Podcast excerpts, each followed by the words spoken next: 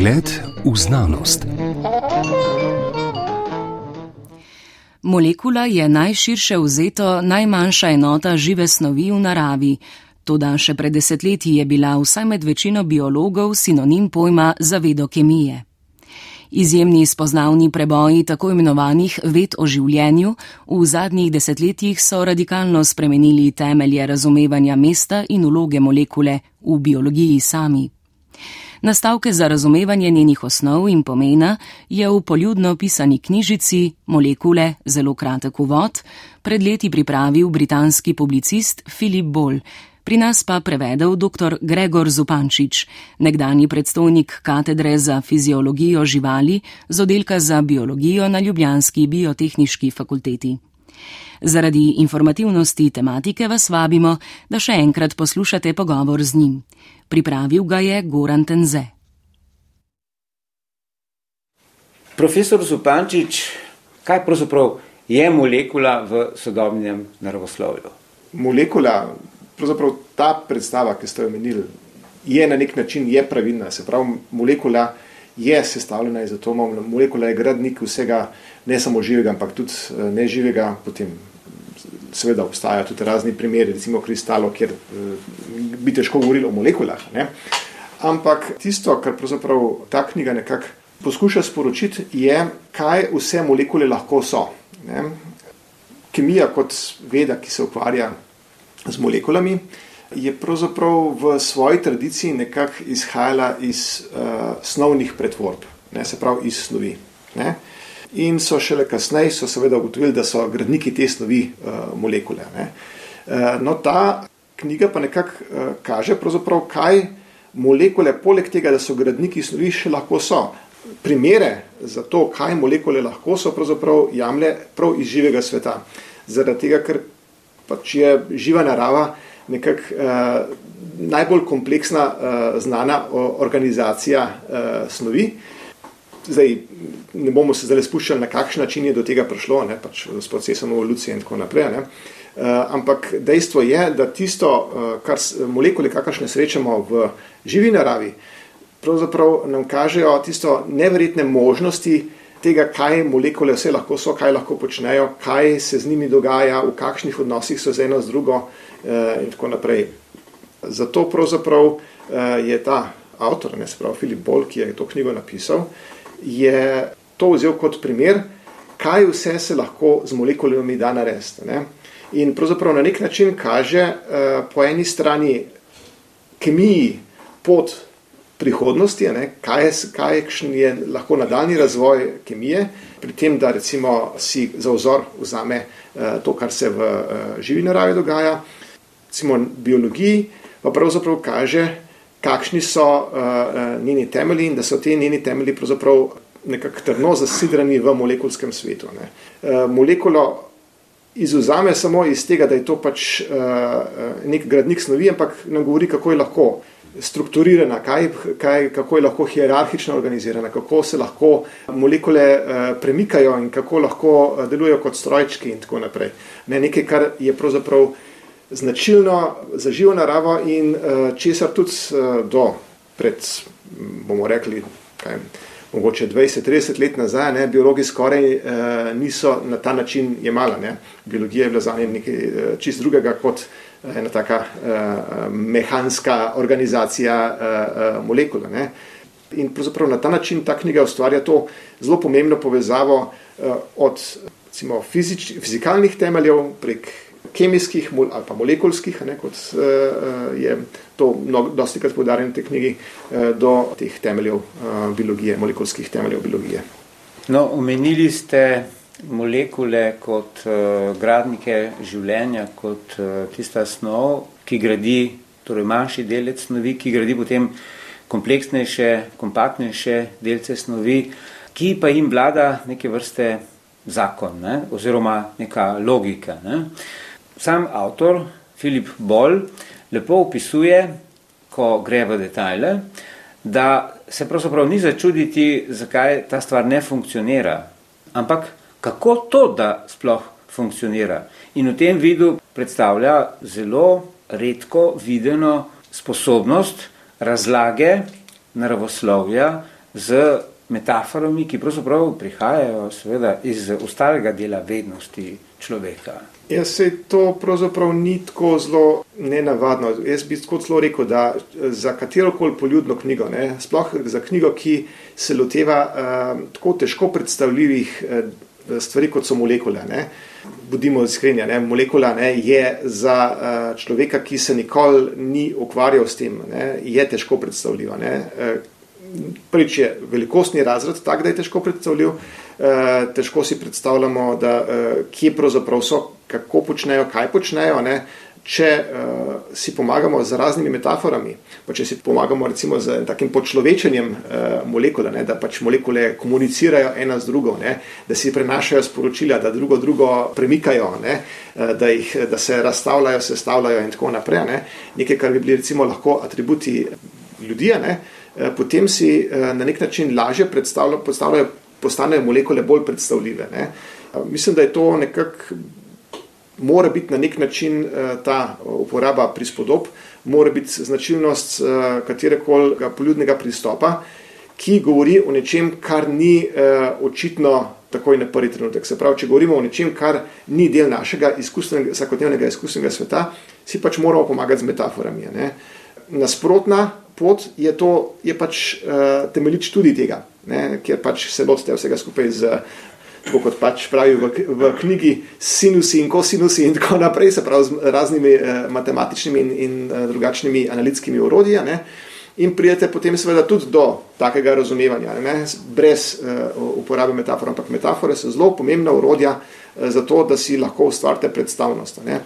Eh, in mislim, da je umetnost pisanja eh, ene dobre poljudne knjige pravzaprav to, da vedeti, katero metaforo kdaj uporabiti eh, in kolikšna je pravzaprav vrednost te metafore, ker če jo raztegnemo preveč, postane uvira, če jo uporabimo samo kot zamenjavo, pa, to, pa nima nobene osebine zadaj, pa nepotrebna. Ne? Redki so naravoslovci, ki znajo na ta način, kot ste omenili, z ustreznimi metaforami, predočiti to problematiko, ki je seveda skrita očem navadnega človeka, zato človek potrebuje inštrumente, vednost, študij. Ampak o kemiji sami, vi niste kemik, vi ste sicer biolog z zoologijo, specifičnimi aspekti komunikacije med uh, spominskimi sinapsami, celicami se ukvarjate, ampak znan, tudi v slovenščini imamo prevod prima levija, poleg tistih, ki govorijo o njegovih izkušnjah v koncentracijskem taborišču, on je bil kemik, knjiga, ki govori o elementih. Do te knjige marsikdo si ni čisto predstavljal, ki seveda ni bil kemik, kaj sploh elementi so. Sam periodni sistem je pravzaprav neka odkritje 19. stoletja, kjer so kemijski elementi in seveda njihove atomske mase in zgradbe. Atomi pa gradijo molekule. Skratka, in vse se začne tukaj. Ne?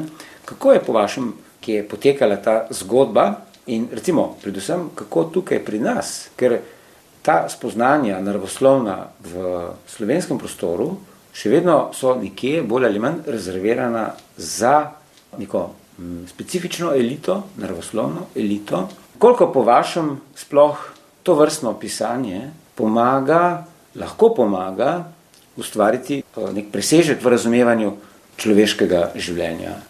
Pravzaprav to, kot lahko katero koli znanje eh, pomaga. Kakršno koli znanje vam da svobodo. Ne? To je pravzaprav bistvo znanja, je svoboda. Ne?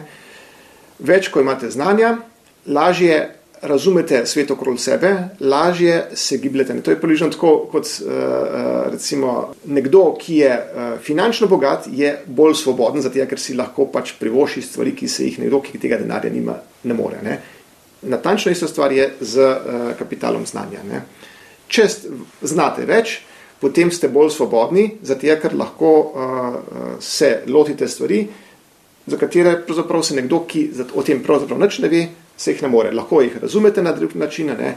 lahko recimo ocenite, kaj se okrog uh, vas dogaja, kako vas, uh, bomo rekel, uh, tako. Kje, recimo, kakšni trgovci, znovci nategujejo, ne? in tako naprej. In tako naprej Se pravi, prednost znanja je, je v osvoboditvi. To je glavna, uh, glavna prednost. Ne pa naj se gre za naravoslovno znanje, družboslovno znanje, kakršno koli znanje, uh, zgodovinsko znanje, geografsko znanje. Vsako znanje pravzaprav pomeni svobodo. Ne? In težava pa je v tem, ne, seveda, da je do znanja pač je težka pot. Ne? To ni stvar, ki bi kar tako padla dol. Stvari, ki nas zanimajo, ne, teh se naučimo, kot vsi vemo, bolj ali manj uh, mimo grede. Ne? Stvari, ki nas bodi si ne zanimajo, bodi si nimamo do njih nobenega odnosa, ne? te so pa težke. Ne? In vloga uh, poljudnega pristopa k uh, predstavitvi tega znanja, ne? recimo kaj, konkretno. Uh, molekul, atomov, kako koli že, recimo, če vzamemo periodni sistem pri Malevija, recimo kot eh, tako knjigo, ne, ali pa te molekule od Filipa Bola, ne, je pravzaprav to, da ljudem, ki vedo, da to obstaja, pa da je bila stvar uh, težka, ni recimo v šolskem sistemu in ni bila predstavljena na en tak način, ki bi jih zainteresiral, na tak ali pa drugačen način, ne, uh, jim nekako pomaga čez to uh, stopnico, tako da potem lahko z zanimanjem uh, si preberejo uh, ali pa da razumejo, kaj pravzaprav je tukaj noter. To je, mislim, da glavna poanta uh, katerekoli poljudne literature, da pravzaprav omogoči ali pa da naredi stvar zanimivo. In dobra poljudna literatura je tista, ki najde uh, stik z recimo nekim uh, vsakdanjim uh, življenjem, ne, ki lahko z neko vsakdanjo izkušnjo približa eno uh, kompleksno zadevo. Zdaj, seveda, jaz, če zdaj malo pokomentiram to knjigo, ne, sem sicer le na toliko naravoslovc, tako da za me je bila to uh, a priori zanimiva knjiga. Tudi ko sem prevajal, sem zelo užival pri njej. Ne. To, koliko je pravzaprav uh, v tej nalogi uspel za nekoga, ki recimo uh, uh, nima take afinitete do naravoslovja, ne, to bo pač potem čas pokazal ne, in zanimanje širše javnosti. Uh, ampak se mi pa zdi, da je pravzaprav tisto, kar je pravzaprav prednost, je ravno to, ne, da je naredila, kot sem že prej rekel, tako težko predstavljive stvari, bolj predstavljive in na ta način pravzaprav to barijero tega od, rekel, odpora do uh, takih težkih zadev nekoliko uh, obide. Ne. Zdaj, če mogoče se še vrnem mehko nazaj k samim recimo, atomom in molekulam, ne, pa uh, k razumevanju tega. Ne. Mislim, da je prav uh, tukaj v tej knjigi nekaj, kar nekaj citatov iz periodnega sistema. Ne.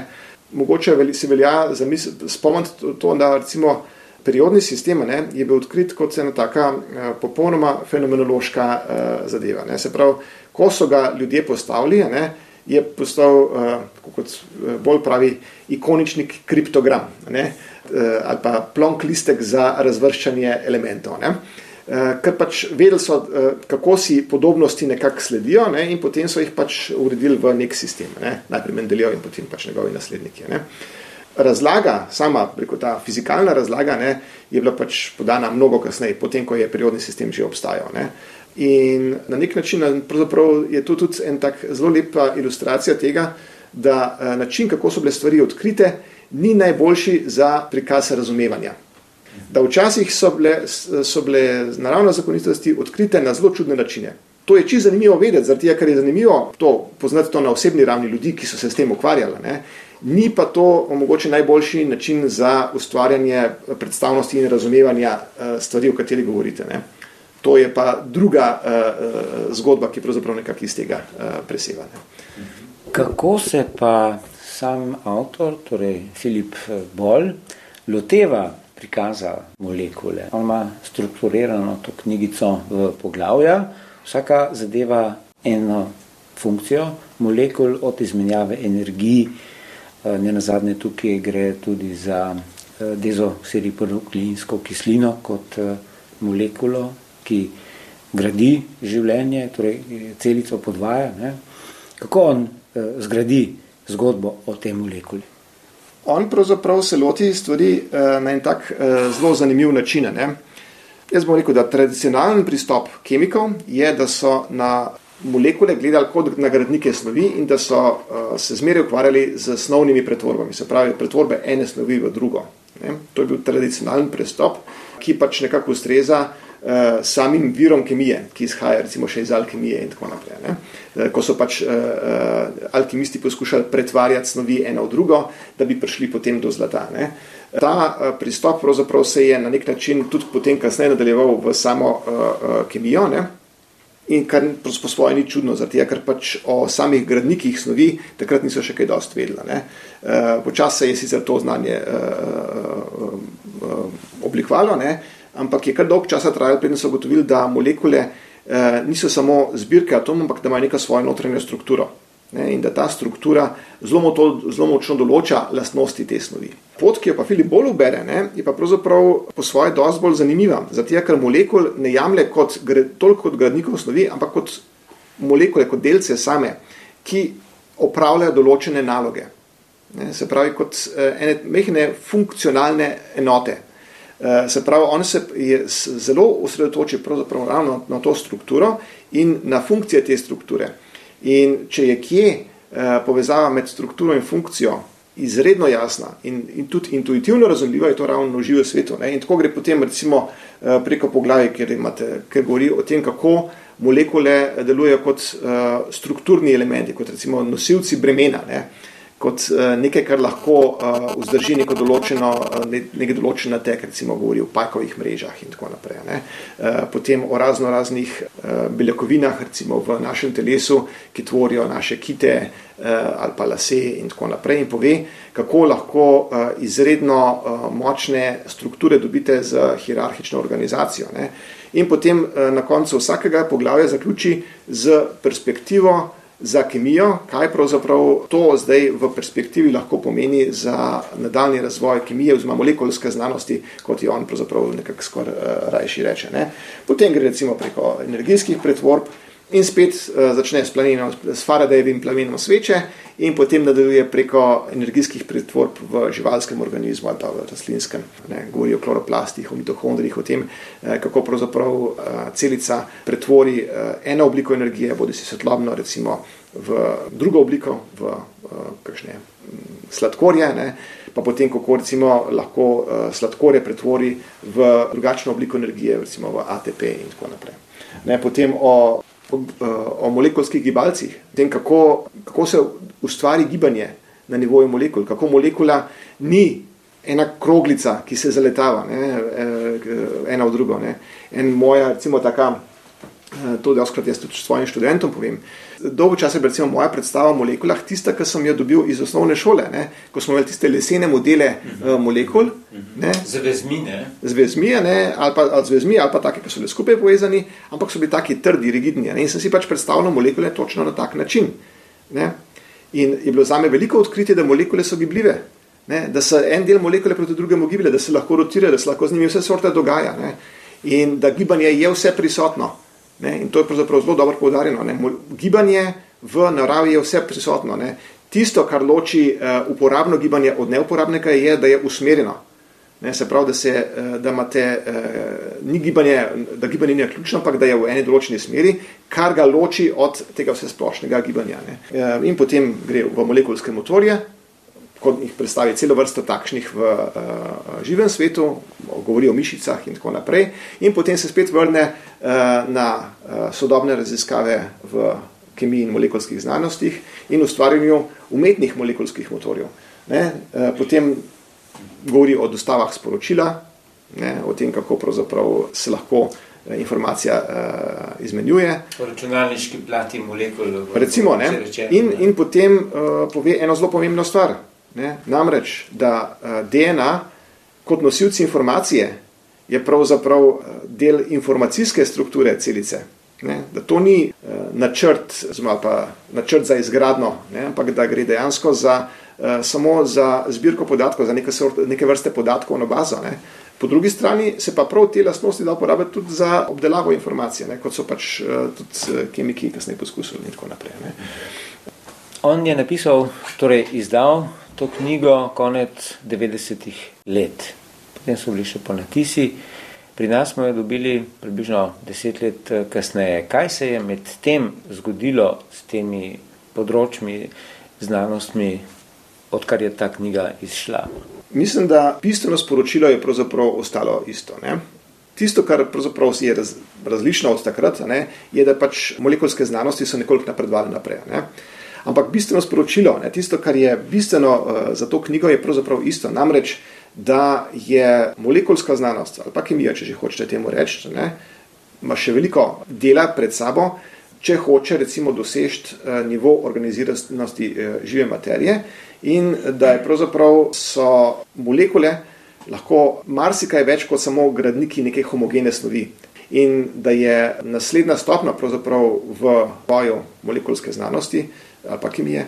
Ne, tej, samo, sam izraz je pač eh, debatabilen, on raje zelo rad uporablja molekulsko znanost. Ne, eh, je pravzaprav v uh, tem zagotavljanju strukturne organizacije, hierarhične organizacije in vseh teh načinov organiziranja atomov, Eh, molekul, nadmolekulskih struktur, eh, ki jih srečamo, kakršne recimo srečamo tudi v živi naravi.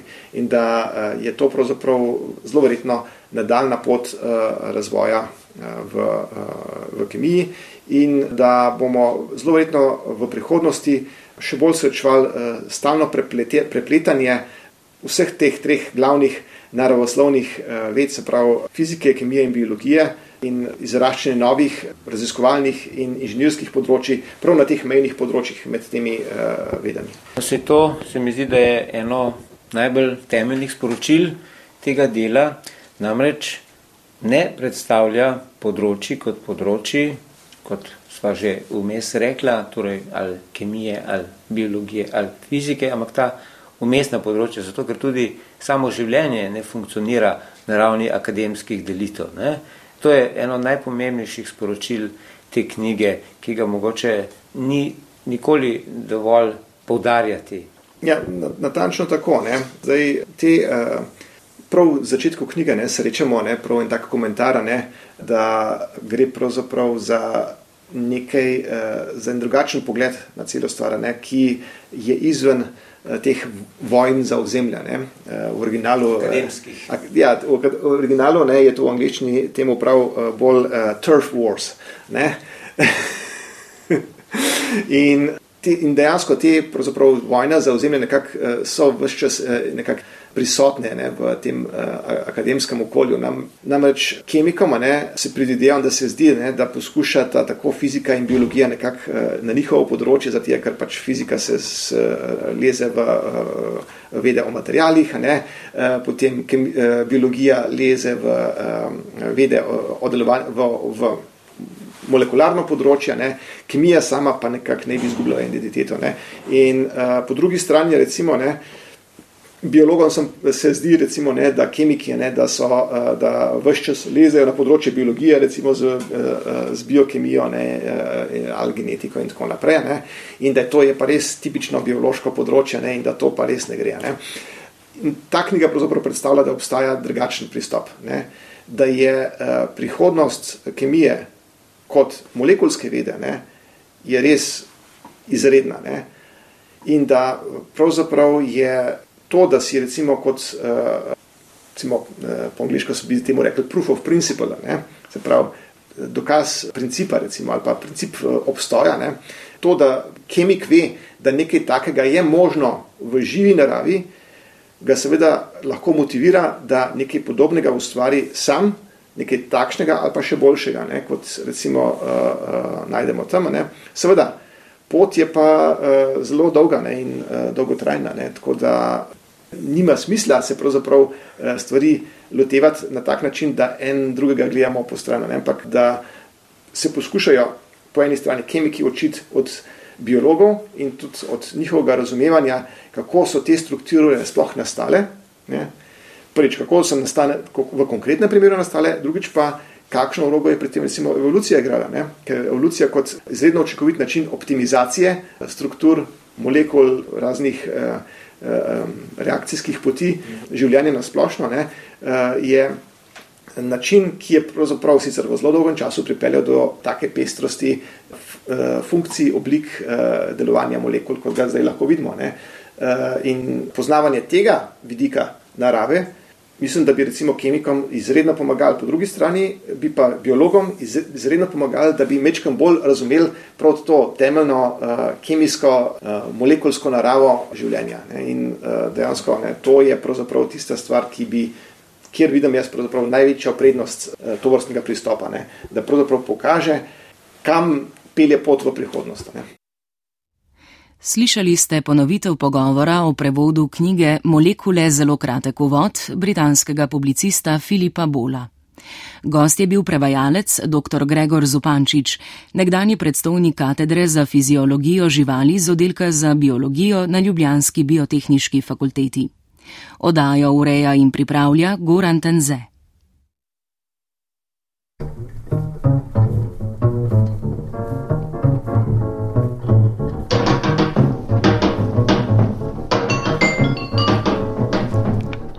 Pogled v znanost.